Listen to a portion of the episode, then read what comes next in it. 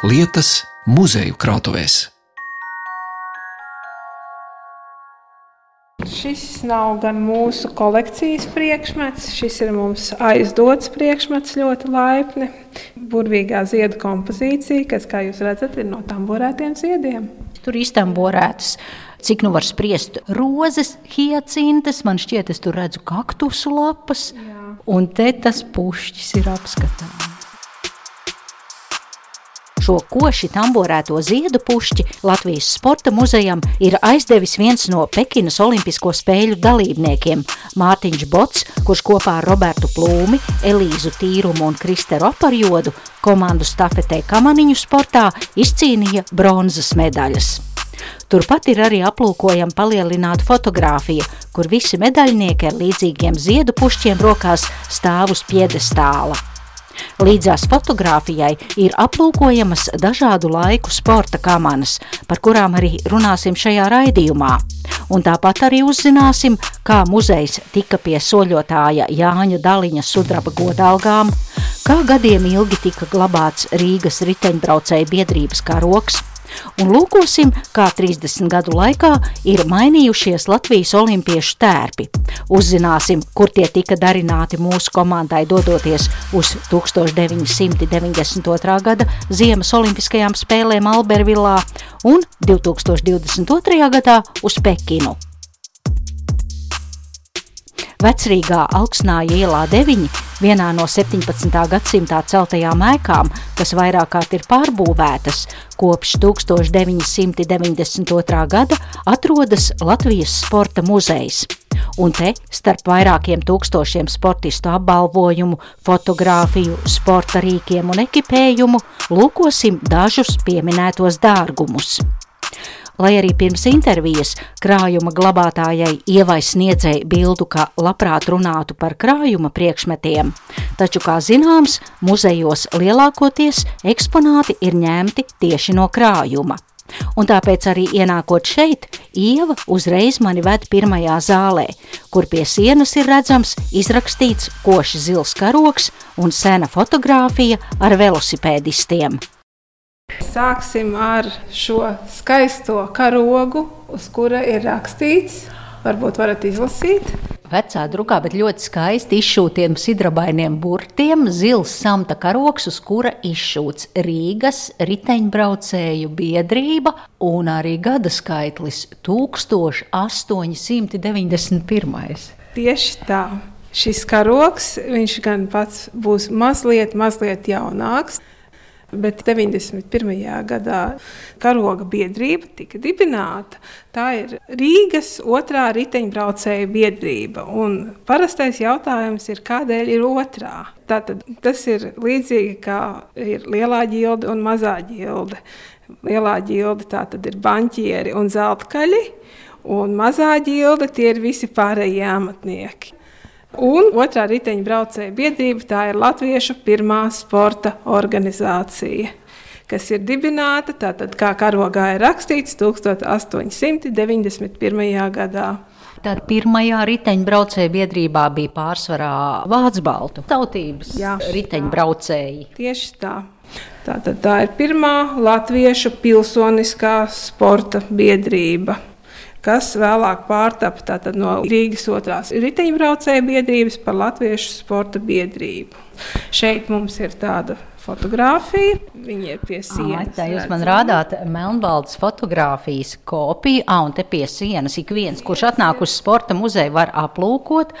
Tas jau ir 1912. Ah. gads. Un centrā, kā jūs redzat, ir šis mūsu karoks, mūsu galvenais varonis šim stāstam. Tur ir kaut kādi ap 20 skaitā kungi, jauns kungi. Te ir interesanti arī tā laika mode. Var redzēt, ka ļoti daudziem vīriešiem ir tās kuplās un uzskrūlētās ūsas, iepamēdētās. Un jūs jautājat par sacīkstēm, tad mēs varam redzēt šeit centrā ir ar godalgām eh, rotāti kungi. Tās visas ir sporta godalgas. Tās nav vienkārši dekori. Tie virssvārki, gaišas žaketes viņiem ir, un dažiem tur ir noteikti viss tā krūteža nokarināta ar eh, ļoti daudzām medaļām. Šis būs stāsts par šo karogu, bet kā karogs pie mums nonāca. Šīs sporta biedrības simtgades atceres pasākuma laikā, toreiz vēl tikai topošā muzeja darbiniece Rīta sazinājās ar Pētera Kroģi. Pēters Kroģis bija viens no šīs Rīgas riteņbraucēju biedrības, vēlākās Latvijas sporta biedrības eh, dalībniekiem, aktīviem dalībniekiem, kas nodzīvoja ļoti bagātu un garu mūžu. 98 gadus, un tātad viņš 90. gadu sākumā bija vēl pie labas veselības, un, kā izrādījās, tad pie viņa šis karogs bija saglabājies. Divi cauri diviem pasaules kariem. Cauri diviem pasaules kariem. Trīs iekārtām, ja es tagad rēķinu, Jā. cara laiki, Latvijas pirmā brīvvalsts un tad padomju. Jā, cauri šīm visām peripētijām šis karogs ir izdzīvojis, un kā jūs redzat, viņš izskatās nevainojami. Es saprotu, ka karogs nav restaurēts. Nē, karoks šobrīd nav restaurēts. Viņš ir vienkārši nevainojamā stāvoklī. Jā, nekur pat nevar saskatīt nu, kaut kādas mazas, mazas nodiluma pēdas, tā samta plūksna gar sāniem. Vai viņš stāstīja, kur viņš ir glabājis? Jā, mums ir šis stāsts pierakstīts. Šis karoks ir bijis arī Pirmā pasaules karā bēgļu gaitās. Viņš nav visu laiku glabājies Latvijā. A, tad viņš uz Krieviju tika aizvests. Tika aizvests uz Krieviju. Un pēc kara viņš ir atgriezies, un jau kā karoks viņš vairs nav izmantots, viņš ir izmantots kā relikvija, un viņš ir saglabāts. Kā var lasīt interneta vietnē Latvijas sports, tad minētā biedrība organizēja vairākas sacensības, un tā skaitā 1904. gadā rīkoja pirmo maratonu skrējienu no Rīgas uz Jēlgavu. Nākamie muzeja dārgumi vārda tiešā un pārnestā nozīmē ir soļotāja Jāņa Daliņa godalgas, kas savulaik glabājās ieraktas zemē dārguma krātuves.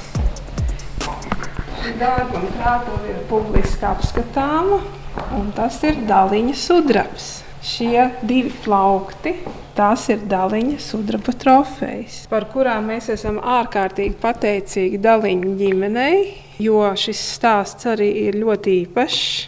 Tātad Daliņš 44. gadā dodoties prom trimdā savās lauku mājās Valmieras pievārtē apraka apmēram metra dziļumā visas šīs savas trofejas, ievietojot koku kastē.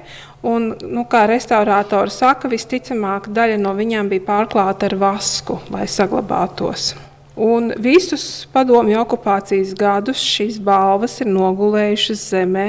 Un 1993. gadā Daliņa ģimene ar Tolaik vēl reti sastopamo metāla detektoru palīdzību šo vietu atrada, balvas izraka, sākotnēji glabāja bankas seifā.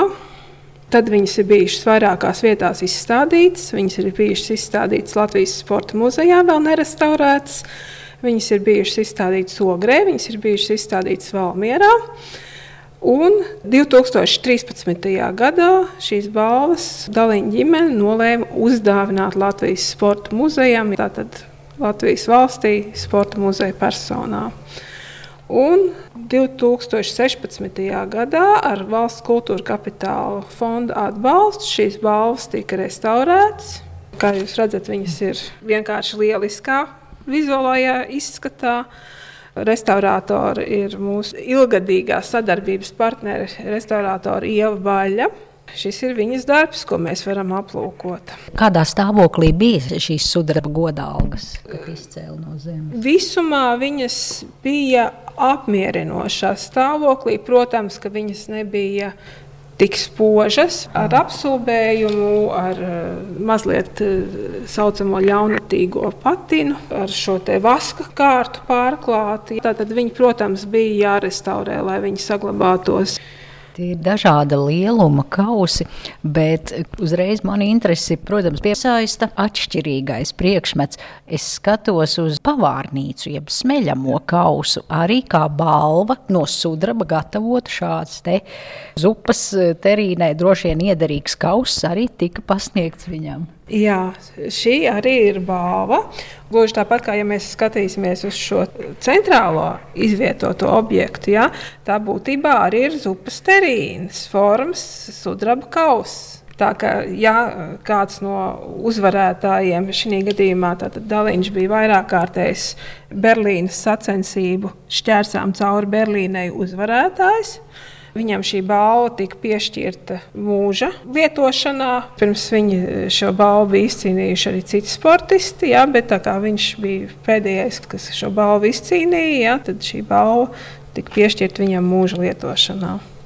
Jā, un tur arī ir iegravēts uzraksts 1931. gadā Dālina Letlanda. Vērienīgajā sporta pasākumā Šķērsām cauri Berlīnai Jānis Daliņš piedalījās 1929. gadā. Tas bija viņa pirmais izgājiens starptautiskajā arēnā. Jānis Daliņš izcīnīja godalgoto otro vietu, kā arī izpelnījās Vācijas preses ievērību ar savu skaisto soļošanas stilu. Jau nākamajā gadā Daliņš plūca uzvarētāju laurus, un paši sacensību dalībnieki viņu uz rokām nonesa no laukuma. Tā rakstīts Latvijas Sporta muzeja interneta vietnē. Kaut man dāvina kājas būtu, bez gala laimīgs kļūtu nabaga zemes Un uz tā kausa arī tur ir rakstīta Valmieras sporta biedrības balva par uzvaru 20,000 metru distancē starptautiskās sacensībās soļošanā Valmierā. 1932. gadā, un kā šeit ir rakstīts, kad Daliņš sasniedza jaunu Latvijas rekordu vienā stundā, 38 minūtēs un 1,5 sekundēs.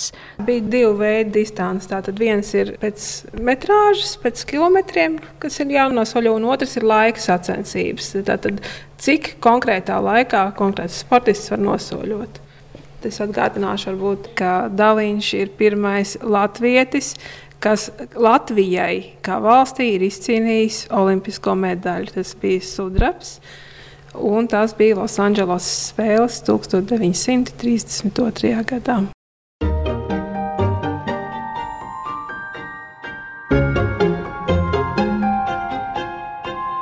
Vietu lietas. Turpinājumā Ieva sniedze ved mani uz muzeja krātuvi, kur dzirdēsim stāstu par olimpiešu tērpiem 1992. gadā. Bet pa ceļam piestājam pie robustām primitīvām kamanām ar koka sēdekli. Tās ir gatavotas cēsīs pagājušā gadsimta 20. gados. Mēs varētu iet augšā krājumā. Glabājās nu, 90% no muzeja vērtībām.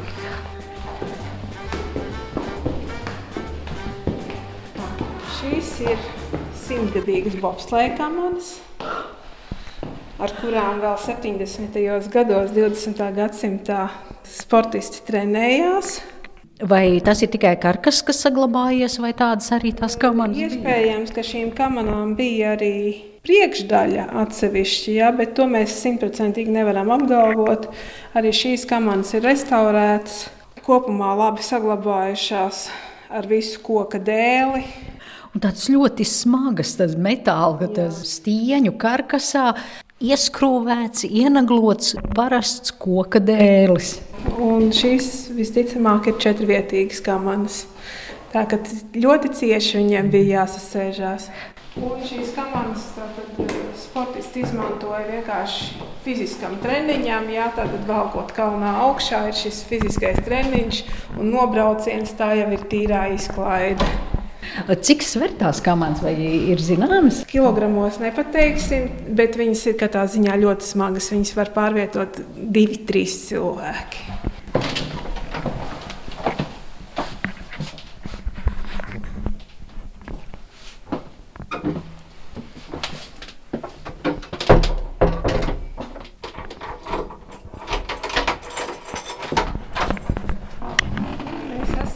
nonākuši krājumā.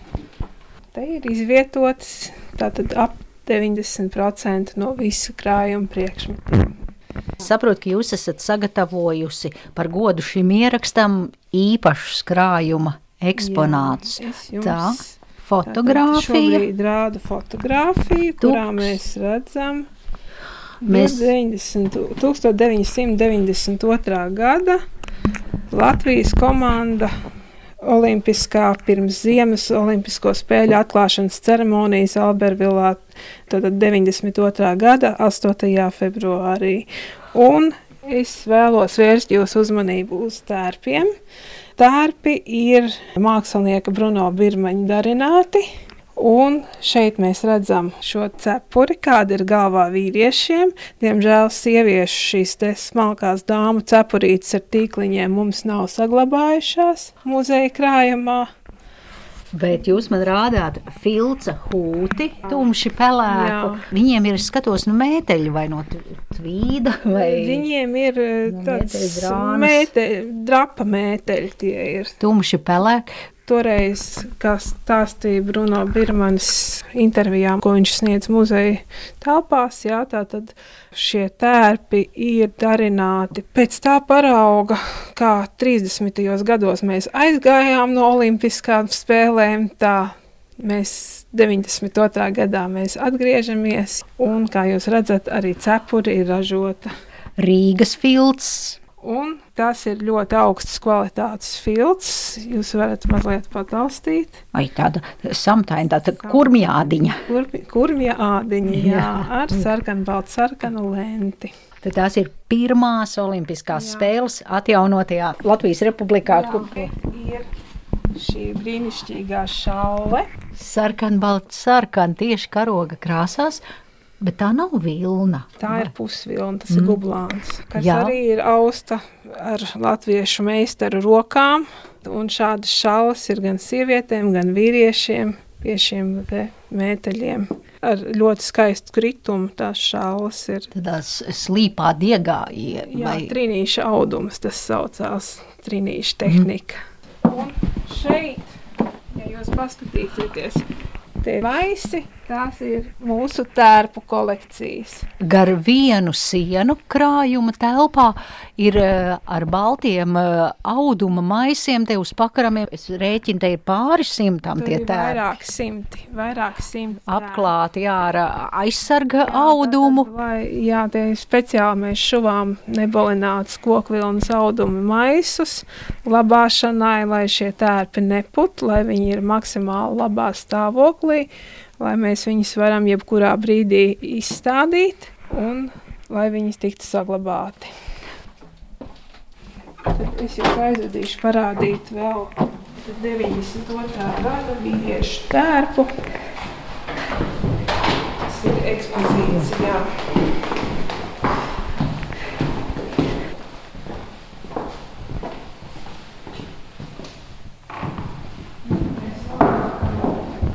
Ir šī ēka. Šis ir tērps no 92. gada, un šis ir no 2022. gada. Tie abi ir parādi. Nu, principā šis džempers nav īsti parāds tērps. Šis džempers ir brīvā laika tērps, bet tā tad ar šo sarkanu, baltu sarkano skaisto apmalīti. Bet tā ir vilna? Tā vai ir, tā, tā ir tas pats arī tas ir gublāns? gublāns. Tas ir gublāns, jā, un bikses ir vilna, tātad pelēkas vilnas audums Latvijā ražots ar sīku smalku Sarkani. svītriņu. Un 30 gadi starpā, un tepat blakus ir eh, no sintētiska materiāla balts mētelis ar uzrakstu Latvija. Šādus eh, tērpus vilka mūsu atlēti uz Pekinas. Dūnu mētelis transformējams, apakšdaļa ir noņemama, un tā, tad, tā ir arī parādas virsjaka. Šeit var noņemt šo apakšdaļu. Bet jūs ar lepnumu to stāstījāt, ka lūk, šis džempers un bikses ražots Latvijā, mūsu rūpnīcā, un šeit var izlasīt jau pagājušā gada tērps, ražots Polijā, Ķīnā. Jā, tā ir diemžēl tā globalizācija. 4F tā ir vēl mums ļoti draudzīga un ļoti tuvu atrodoša firma. Tā ir poļu firma, kas starp citu lielāko daļu no trikotāžas izstrādājumiem joprojām ražo Polijā. Nu, tāda, tāda ir tā tērpa evolūcija. Nostalģiskas sajūtas par zudušiem pašmāju uzņēmumiem turpinās skatot pagājušā gadsimta 80. gados VF rūpnīcā ražotas bobsleja kamanas. Šīs ir mazliet jaunākas. Šīs ir bobsleja kamanas, kas ir ražotas VF rūpnīcā. Bet tad kurā gadā? 20. gadsimta 80. gadi. Tad, kad ķipurs, ekmanis. Jā, ķipura ekmaņa laiks. Kas? Nā, nu tā jau ir plastmasa. Jā, tā ir, jā. tas ir stikla plasts. Koši sarkans bobs, jeb bobslēga kamanas. Un te var apskatīt, vai te jau ir izņemts ārā vai tāda. Ir divas, divas vietas, kurās viņi sēž. Un, un, un, un tā ielikšana, nu, tas ir tas viņa sportistu darbs. Tad tūmā pienākot, var redzēt, vai sēdekļi taču nebija nekādi mīksti un, un, un nekas nebija izpopēts. Nē, nekas, nekas nebija izpopēts. Viss tā ir tad, tad, skarbas, skarba sporta realitāte. Sportista veiklība, vai tu lecot iekšā apdauzi kāju gar tām cietajām augstajām boba sienām vai nē? Jā, bet nu, tās boba sienas tās ir tas, kas dod to ātrumu un tas ir tas, kas dod to. Mm. Plūdlīnijas. Plūdlīnijas, jā. Kāpēc šis sporta veids, kurā nobraucienu rezultāts no 1 līdz 5 vietai ir 1 sekundes 50 daļas robežās? Kamaniņu evolūcija, jā, tātad šīs ir pirmās kamanas, ar kurām Latvija izcīnīja zelta medaļu Leikplasidā 1980. gadā. Veras zuļas kamaniņas. Jā. Nu, tas ir kombinēts materiāls, kas sastāv no stikla auduma principā un, un, un, un epoksīdas veķiem. Atkal lasu informāciju muzeja interneta vietnē. Veras Zazuļas zelta kamanas pēc viņas trenera Valda Tilika norādījumiem ir būvējis Jānis Čūzis. Vera Zazuļa intervijā Artūram Vaidaram saka, tieši starts kļuva par manu lielo trumpi cīņā ar vācietēm. Protams, arī trenera uzkonstruētās un uztaisītās kamanas. Jau pēc sacensībām tās ņēma, pētīja un vēlāk izdomāja visādus ierobežojumus, taču tad viss bija atbilstoši noteikumiem. Tur arī slēpās stilika, bet vēlāk arī upatnieka ģenialitāte. Viņi prata apsteigt laiku un viņu audzēkņi konkurentus. Līdzās Vēras Zuļas kamanām ir aplūkojams arī Mārtiņa Rubeņa un Jura un Andra Šicu braucamie.